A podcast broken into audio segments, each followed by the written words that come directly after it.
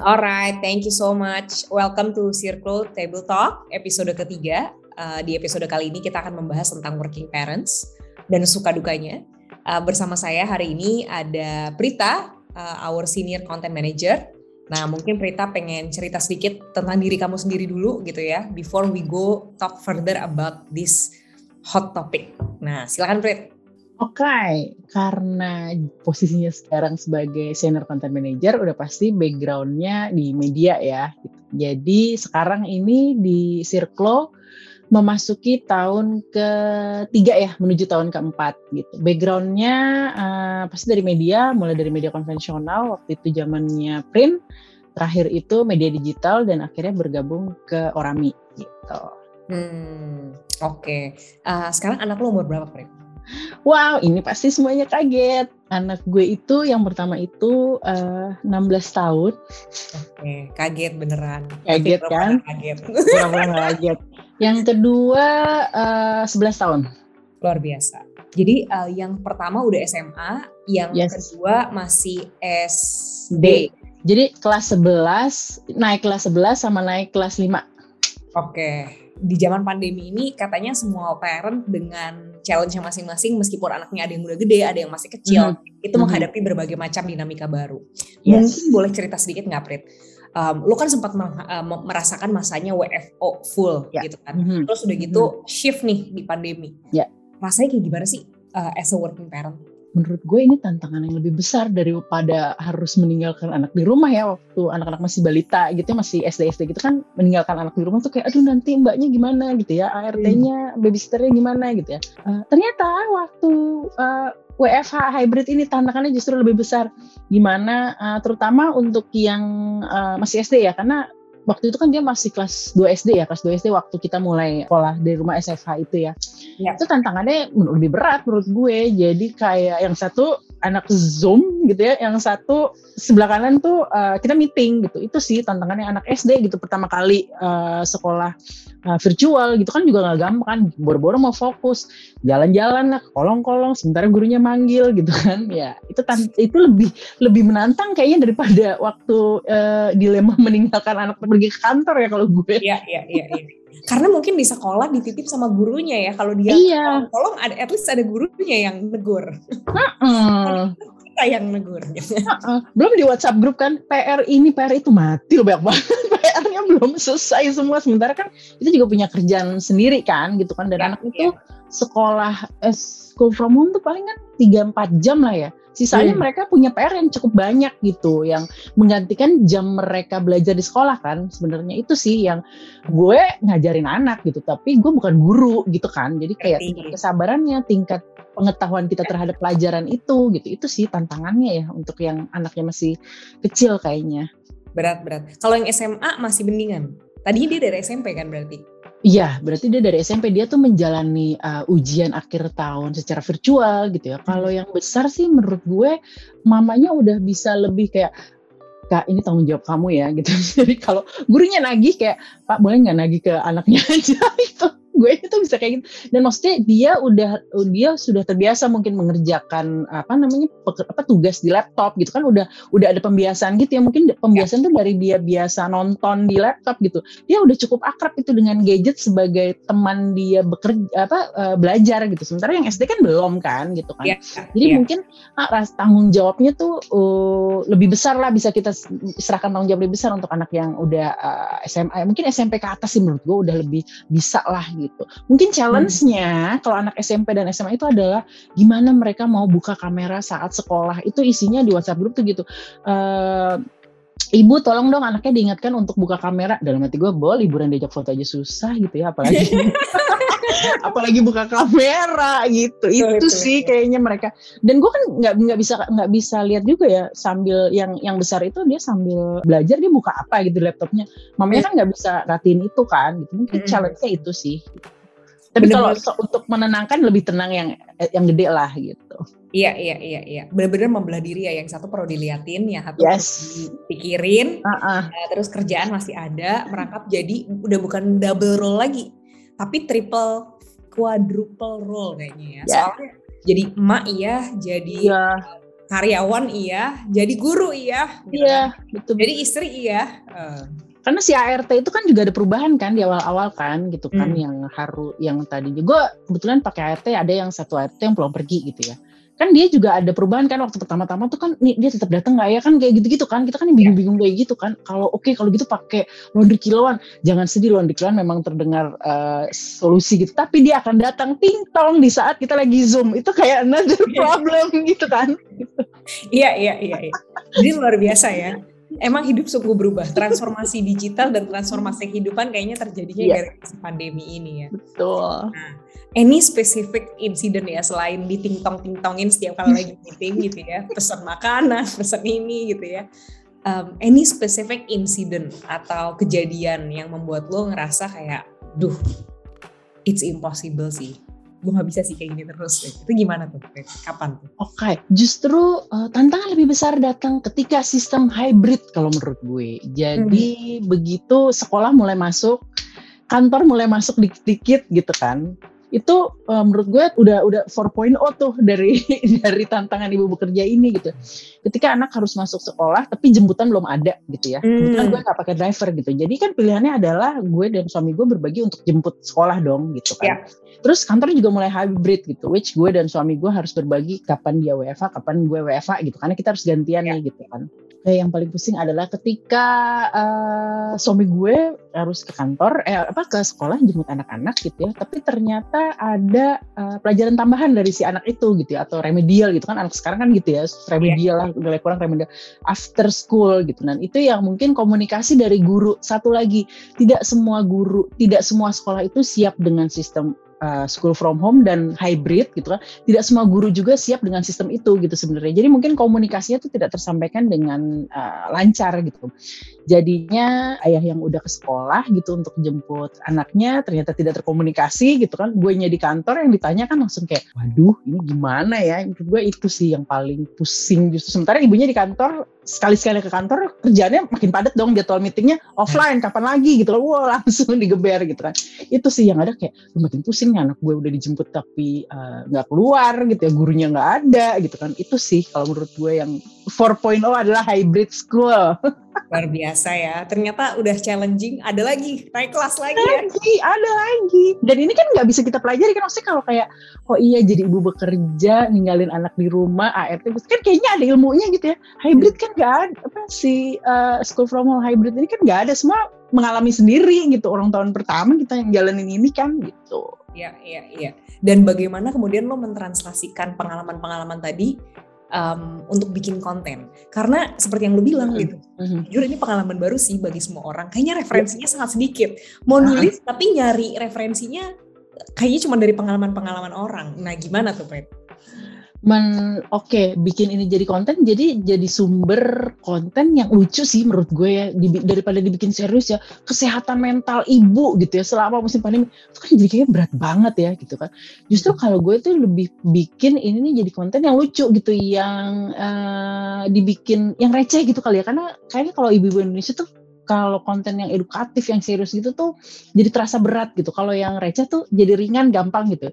Jadi sebisa mungkin kita uh, oke okay, pelajaran dari yang kemarin yuk kita bikin konten buat reels ya gitu kan yang musiknya lagi trending sekarang gitu kan satu hal lagi kan jadi selama uh, pandemi ini kan jadi kayak sosial media makin rame kan karena semua orang hmm. update gitu kan itu sih gue berusaha mencari pengalaman terus cari talent gitu ya, yang benar-benar relate aja gitu terus bikin kontennya yang ringan-ringan gitu itu sih gitu. Hmm, hmm, hmm. jadi tetap ada silver lining ya bisa ternyata ada ada silver lining yang bisa dilihat di kerjaan ya, meskipun kelihatannya sangat-sangat challenging. Ada dong. sih. Nah, mungkin buat orang-orang yang bahkan nggak usah ngomongin tentang jadi working parent zaman pandemi versus zaman sebelum pandemi gitu. Lu masih inget gak sih bedanya dulu uh, masih single kerja sama kerja setelah jadi orang tua? Nah, menurut lo yang significantly changing itu apa sih? Priority kali ya.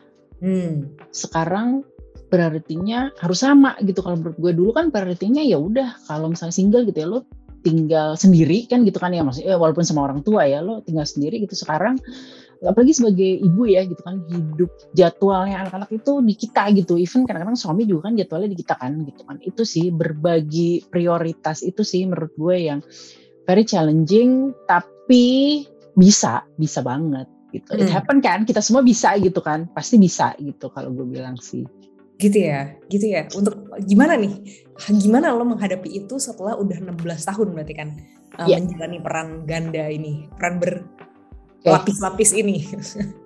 Pertama mungkin uh, ininya dulu kali mindsetnya kali ya. Lo nggak bisa pasti semuanya ke handle gitu. Pasti ada yang nggak ke handle gitu. Hmm. Kedua support system dan support system itu tidak hanya ternyata nih di tahun sekarang gitu tahun ke-16 gue ini ternyata support system itu tidak hanya dari asisten rumah tangga atau orang tua gitu ya kan. Kadang-kadang kalau dulu kita asisten orang tua uh, apa asisten rumah tangga orang tua sama babysitter gitu let's say. Yeah. Ternyata itu ada di luar itu gitu yang let's say daycare gitu ya itu yang cukup membantu juga. Gue pernah juga gitu di terakhir-terakhir anak gue TK lah ya TK kan masih bisa ditaruh daycare ya. Daycare sama kedua adalah uh, anak-anak itu sendiri gitu. Jadi sekarang ini uh, somehow gue membentuk anak-anak gue untuk jadi anak-anak yang mandiri gitu. Jadi sekarang mereka bisa si kakak tuh bisa covering adiknya gitu. Even bisa uh, bantuin papanya juga gitu. Itu sih yang menurut gue jadi working parents bikin gue justru nge-push anak-anak gue untuk bisa lebih mandiri gitu. Jadi nantinya tuh udah nggak tergantung lagi sama orang lain. Lebih baik tergantung sama aplikasi daripada tergantung sama orang. Kalau menurut gue tuh gitu. Gitu ya. Wow. Iya dong. Baru pernah denger nih gue tips ini ya. Oke oke oke. Tapi Red seriously, I think you made it sound very achievable and easy gitu mm -hmm. ya uh, especially kalau gue compare ke diri gue sendiri kayak gue rasanya tuh mau gila a lot of times. Mm -hmm. Selalu dong. Lu merasa gitu juga gak sih? Ya iya dong, kan tantangannya tuh kan beda, beda terus gitu dari yang si balita ini gitu nanti si hmm. uh, usia sekolah gitu ya, preteen gitu kan, teens menurut gue sih sama-sama semuanya bikin gila juga gitu. Hmm, hmm, hmm.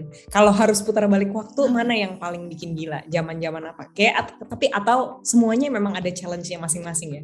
Yang kedua dong. Oke, okay.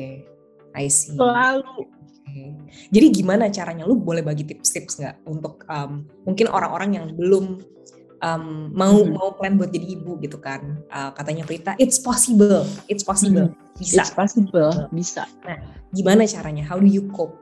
Ya, ini satu kita punya support system gitu ya. Dua teknologi itu udah maju gitu loh. Jadi you can count on everything gitu kalau menurut gue sih ya gitu. Jadi nggak hanya akan tergantung pada orang tua dan ART aja gitu kalau dari hmm. gue ya bisa bisa banget gitu. Hmm, hmm, hmm. Jadi perlebar ya support sistemnya ya. Yes. Um, coba be creative and um, resourceful juga mencari support system di luar sana gitu karena it's possible. Ya. Yeah. Oke. Okay anything else yang lo pengen kasih tahu um, ibu-ibu di luar sana yang sekarang mungkin sedang struggle. Mm-hmm. um, kalau biasanya mungkin disalurkan dengan membuat konten baik itu video baik itu tulisan. Nah sekarang langsung dari narasumbernya. Kira-kira apa tuh yang pengen disampaikan buat semua orang yang sedang berjuang? Oke kita semua bersama-sama di sini gitu kali ya kayak puk puk puk puk puk apa apa bisa bisa bisa gitu kali ya. Itu seru sama uh, satu sih menurut gue yang uh, mungkin kedengarannya kayak klise gitu tapi lo tuh semua harus punya waktu buat diri sendiri gitu ini, ini beneran gitu waktu buat hmm. diri sendiri itu bisa jadi uh, bangun tidur kayak lo bangun 30 menit lebih awal untuk browsing uh, barang apa gitu ya untuk nonton konten lo gitu atau setelah lo uh, work from office lo belok ke salah satu restoran coffee shop uh, kesukaan lo gitu ya itu sih kalau menurut gue kayak itu kan wording yourself with something yang nggak harus mahal nggak harus mewah gitu loh. Tapi kan break kan coba kayak lo gitu ya kan anak lo masih balita gitu kan untuk hmm. makan di restoran kan masih riwah kan gitu walaupun ada babysitter gitu kan pasti kan mama mama mama mama gitu kan. Kapan terakhir kali lo duduk sendiri di restoran tenang gitu kan? Itu kan yang itu yang mewah kan gitu.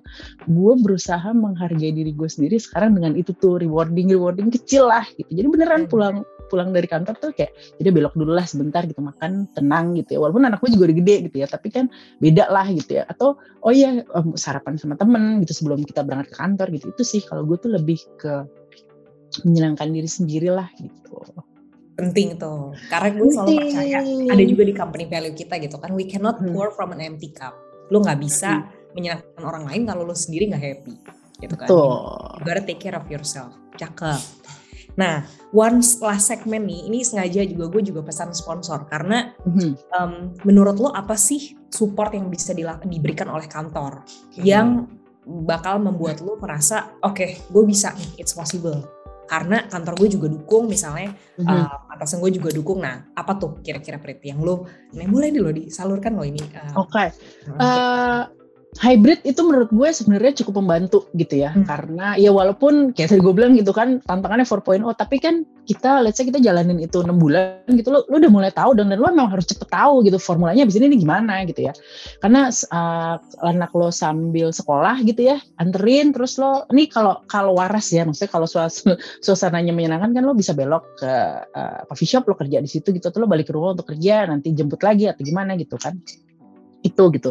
Hybrid kedua, gue pernah uh, ada di Orami yang punya daycare gitu ya. Hmm. Saat itu tuh menurut gue itu sesuatu yang menyenangkan. Jadi nggak dan lucunya lagi nggak cuma ibu-ibu yang ke kantor bawa anak-anak gitu ya, bawa si balita-balita gemes itu gitu. Tapi ada juga bapak-bapak yang dia bawa anaknya ke kantor untuk ditaruh daycare gitu. Lucunya waktu kita tanya gitu loh, istri lo mana? Istri gue ada di rumah gitu. Ngapain? Nggak apa-apa. Biar istri gue menikmati uh, hari-harinya tanpa anak kan nggak apa-apa gitu. Sementara tuh anak gue juga happy gitu dibawa ke daycare. Jadi ikut papanya ke kantor, dia belajar, dia tidur siang, dia makan bareng-bareng gitu. Sampai rumah kan jadi uh, happy baby gitu kan. Jadi kayak dia ya. seneng gitu kan ketemu papanya, ketemu mamanya, mamanya udah nggak marah-marah karena dapat waktu break gitu. Menurut gue uh, sebenarnya daycare juga solusi yang mm, bikin happy sih gitu. Hmm, hmm. Cuma ya mungkin masalahnya kan kemarin kan karena pandemi itu kan gitu. Jadi ya. kayak uh, uh, itu sih kalau dari gue. Siap, siap. Tapi kita sedang siapkan nih ya. Semoga. Semoga. Terus, meskipun anak lo udah nggak masuk lagi sih ke daycare. Udah nggak masuk ke daycare. apa-apa loh dibawa ke kantor. kalau ada coffee shop boleh nggak? Oh, iya. nah, tapi tapi gue sempat ngalamin juga sih anak gue memang nggak daycare yang per hari gitu tapi hmm. once tiba-tiba ART sakit atau dia libur gitu ya ya gue bawa ke daycare gitu dia seneng kan main sama anak-anak yang lebih kecil-kecil, anak-anak lebih kecil juga senang kan lihat ada sosok si kakak SD gini gitu ya. Itu sih happy sih. Jadi nggak usah uh, kan kayak gue bilang karena apa arti gue pulang pergi gitu. Jadi ya udah ikut mama ke kantor dan dia sibuk nggak akan gangguin gue juga gitu. Itu sih happy sih sebenarnya. Hmm, hmm, hmm, hmm. Semakin menebalkan pesan sponsor emang harus kita bikin lagi ya. Ya dong, ya, ya dong. Eh, gue mendengar bisikan-bisikan dari anak eh, ibu-ibu yang punya anak balita. uh, dan mungkin bapak-bapaknya juga, gue sangat ya, benar, sih. Benar, benar. Um, itu lucu banget sih yang bapak-bapak itu gitu. Walaupun lo tau kan, namanya juga bapak-bapak gitu. Jadi dia tuh bisa ke kantor, ke daycare, anaknya nggak bawa susu. Tapi kan ini ada si ibu-ibu yang lain tinggal gue nggak bawa susu ya udah tuh ada ada ada apa ada UHT anak gue gitu dia dapat support system juga dari teman-teman kerjanya gitu iya iya iya iya ya. itu itu bagus banget sih saling menguatkan gitu ya uh, regardless of gitu kan. gender kita sama-sama menguatkan gitu. Betul gitu. Karena bapak-bapaknya juga udah bapak-bapak zaman sekarang lah di Sirklo yang pasti ikut juga ngurusin anak gitu kan yang bisa hmm. juga gitu kan dititipin. Ada juga tuh bapak satu bapak yang gue suka lihat bawa anaknya ke kantor. Hmm, iya iya iya iya iya iya siap siap siap. Oke okay, um, gitu.